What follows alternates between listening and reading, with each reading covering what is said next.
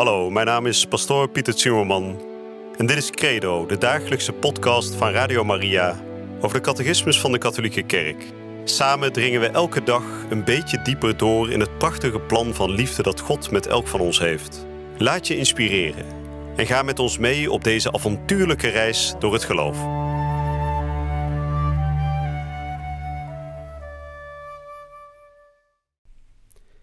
Vrienden, we zijn weer terug hier bij Radio Maria met het programma Credo. En zoals u weet zijn we de geloofsbeleidenis aan het behandelen. Dat is het eerste deel van de catechismus. En de geloofsbeleidenis die bestaat uit twaalf artikelen. En die worden uitvoerig behandeld. En we zijn inmiddels aanbeland bij het derde artikel. En het derde artikel dat is Jezus Christus is ontvanger van de Heilige Geest, geboren uit de Maagd Maria. Nou, de komende uitzendingen die gaan er dus over wat betekent dat? Jezus Christus ontvangen van de Heilige Geest en geboren uit de Maagd Maria. Een klein zinnetje, maar er zit natuurlijk ontzettend veel in. En we gaan daar uitgebreid over spreken. En als u de afgelopen dagen, weken ook deze podcast hebt gevolgd, dan weet u dat de catechismus helemaal niks overslaat. Alles wordt tot in de kleinste details behandeld. En misschien kan dat soms een beetje, ja, een beetje slepend overkomen omdat ze, de catechismus nogal um, ja, veel woorden gebruikt om uh, iets te zeggen uh, waarvan we zelf misschien het gevoel hebben dat het ook sneller uitgesproken kan worden. Maar toch heeft dat een reden, namelijk de catechismus wil dat wij dit soort geloofswaarheden niet oppervlakkig opslurpen, maar dat we ze echt diep laten landen in ons hart. En dan kan het zijn dat het nu misschien wat langdradig overkomt, maar dat u over een paar jaar heel erg dankbaar bent dat juist die catechismus het zo minutieus, zo gedetailleerd behandeld heeft. Nou, dat gezegd hebbende, vandaag dus het derde artikel, het begin van het derde artikel over Jezus Christus, die is ontvangen van de Heilige Geest en die is geboren uit de Maagd Maria. Nou, ik wil vandaag weer zoals gebruikelijk beginnen met een kort gebed. En ik wil vandaag het bekende gebed bidden tot de Heilige Geest. Het is de noveen die normaal voor Pinksteren wordt gebeden het grote Pinksterfeest waarop uh, we vieren dat de Heilige Geest uit de hemel neerdaalt in de harten van Maria en de apostelen. En tot die Heilige Geest, de derde persoon van de drie-eenheid, zullen we ons nu richten.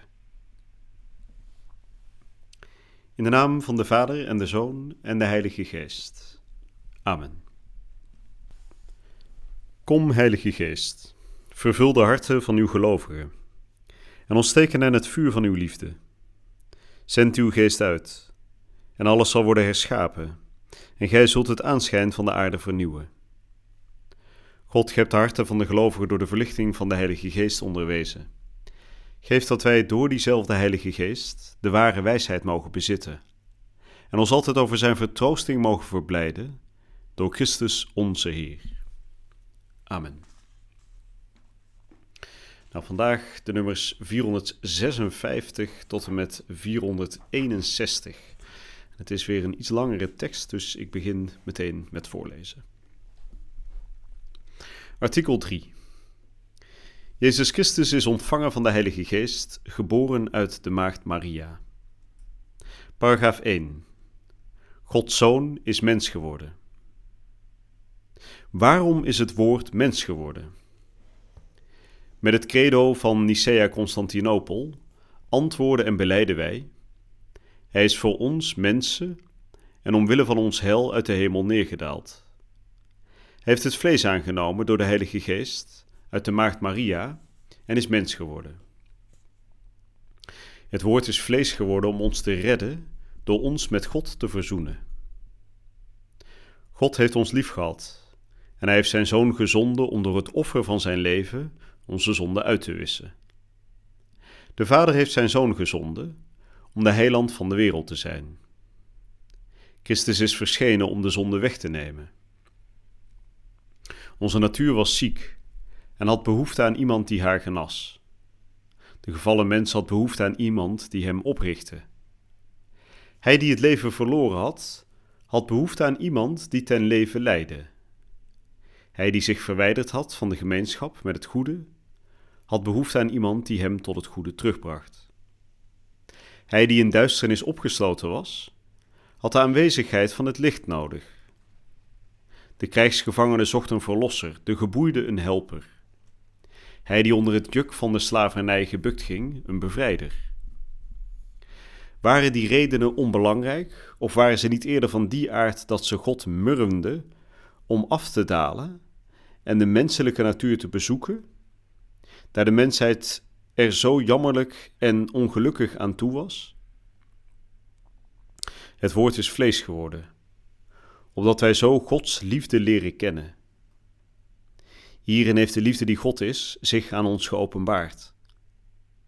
God heeft zijn enige zoon in de wereld gezonden om ons het leven te brengen. Zozeer immers heeft God de wereld liefgehad, dat hij zijn enige geboren zoon heeft gegeven, opdat al wie in hem gelooft niet verloren zal gaan, maar eeuwig leven zal hebben. Het woord is vlees geworden om voor ons voorbeeld van heiligheid te zijn. Neemt mijn juk op uw schouders en leert van mij. Ik ben de weg, de waarheid en het leven. Niemand komt tot de Vader tenzij door mij. En de Vader geeft op de berg van de gedaanteverandering de opdracht: luistert naar hem. Hij is immers het voorbeeld van de zaligsprekingen en de norm van de nieuwe wet. Hebt elkaar lief zoals ik u heb lief gehad. Deze liefde houdt in dat men daadwerkelijk zichzelf geeft om hem te volgen. Het woord is vlees geworden om ons deel te laten krijgen aan Gods eigen wezen. Het woord van God is mens geworden. En hij die Gods zoon is, werd de mensenzoon.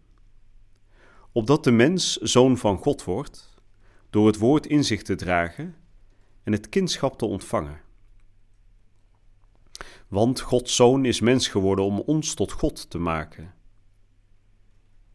De enige geboren zoon van God nam, omdat hij ons in zijn goddelijkheid wilde laten delen, onze natuur aan. Opdat hij, mens geworden, de mensen tot goden zou maken. De menswording. Wanneer de kerk de uitdrukking van de heilige Johannes, het woord is vlees geworden, herhaalt, dan noemt de kerk het feit dat de Zoon van God een menselijke natuur heeft aangenomen, om daarin ons hel te bewerkstelligen, menswording. In een hymne die wij bij de heilige Paulus vinden, bezingt de kerk het mysterie van de menswording. Die gezindheid moet onder u heersen, welke ook Jezus Christus bezielde. Hij die bestond in goddelijke majesteit, heeft zich niet willen vastklampen aan de gelijkheid met God hij heeft zichzelf ontledigd en het bestaan van een slaaf op zich genomen. Hij is aan de mensen gelijk geworden. En als mens verschenen heeft hij zich vernederd, door gehoorzaam te worden tot de dood, tot de dood aan een kruis. Dat waren de nummers 456 tot en met 461.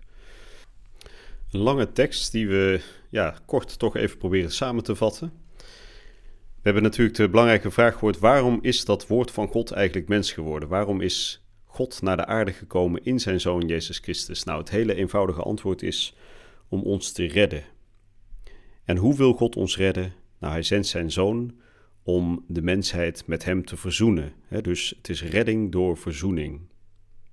En dan wordt er iets heel moois gezegd in de catechismus dat gaat over God wordt mens, zodat de mensen goden kunnen worden moeten daar natuurlijk niet een soort um, veelgoderij in zien. Hè? We geloven natuurlijk maar in één God.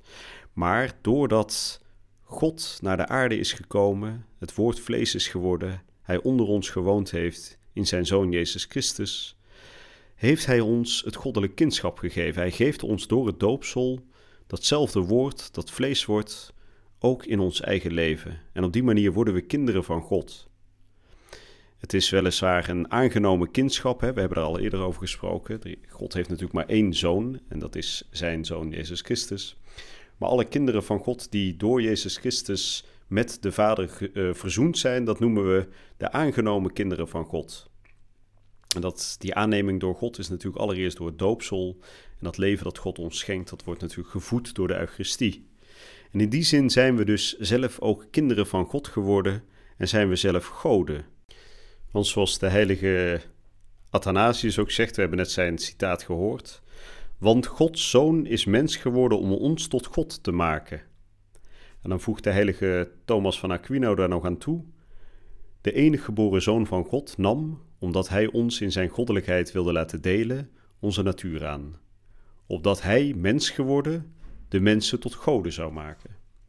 dus het is niet alleen dat God uit de hemel is afgedaald in zijn zoon Jezus Christus en de nederigheid van de menselijke natuur heeft aangenomen. Nee, het is ook andersom dat hij door zijn menswording als het ware onze menselijke natuur heeft verheven. Een goddelijk karakter heeft gegeven. Nou, prachtige gedachte is dat natuurlijk. En dan tot slot, hè, dan horen we dat we daar niet plat op mogen gaan, dat we daar niet uh, hoogmoedig door mogen worden, maar dat we diezelfde gezindheid moeten bewaken, bewaren, die ook in het hart van Jezus leefde. Namelijk je niet vastklampen aan die goddelijke status, die goddelijke majesteit die de Vader um, ons heeft gegeven in ons doopsel, maar dat we ons ontledigen en dat we net als Christus zelf het bestaan van een slaaf op ons nemen. Hè, om ooit in de hemel natuurlijk volledig aan God gelijk te zijn. Nou, dat was de catechese voor vandaag. We gaan daar bij de volgende uitzending weer over door. En dan gaan we spreken over wat het betekent dat God zowel God is als mens. Dat gaat dus over Jezus Christus, die zowel God is als mens. Ik wens u nog een hele gezegende dag toe.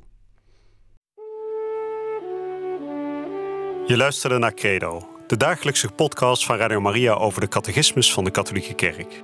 Credo is iedere werkdag te beluisteren op Radio Maria. Maar je kunt de afleveringen ook in je eigen tempo terugluisteren op onze website, in de app of op Spotify en de andere platforms. Via de website radiomaria.nl vind je dagelijks de link om de bijbehorende teksten uit de catechismus mee of terug te lezen. We zijn erg dankbaar voor alle giften die wij mogen ontvangen. Daardoor kunnen we ons goede werk blijven doen. Draag je ook bij aan deze missie?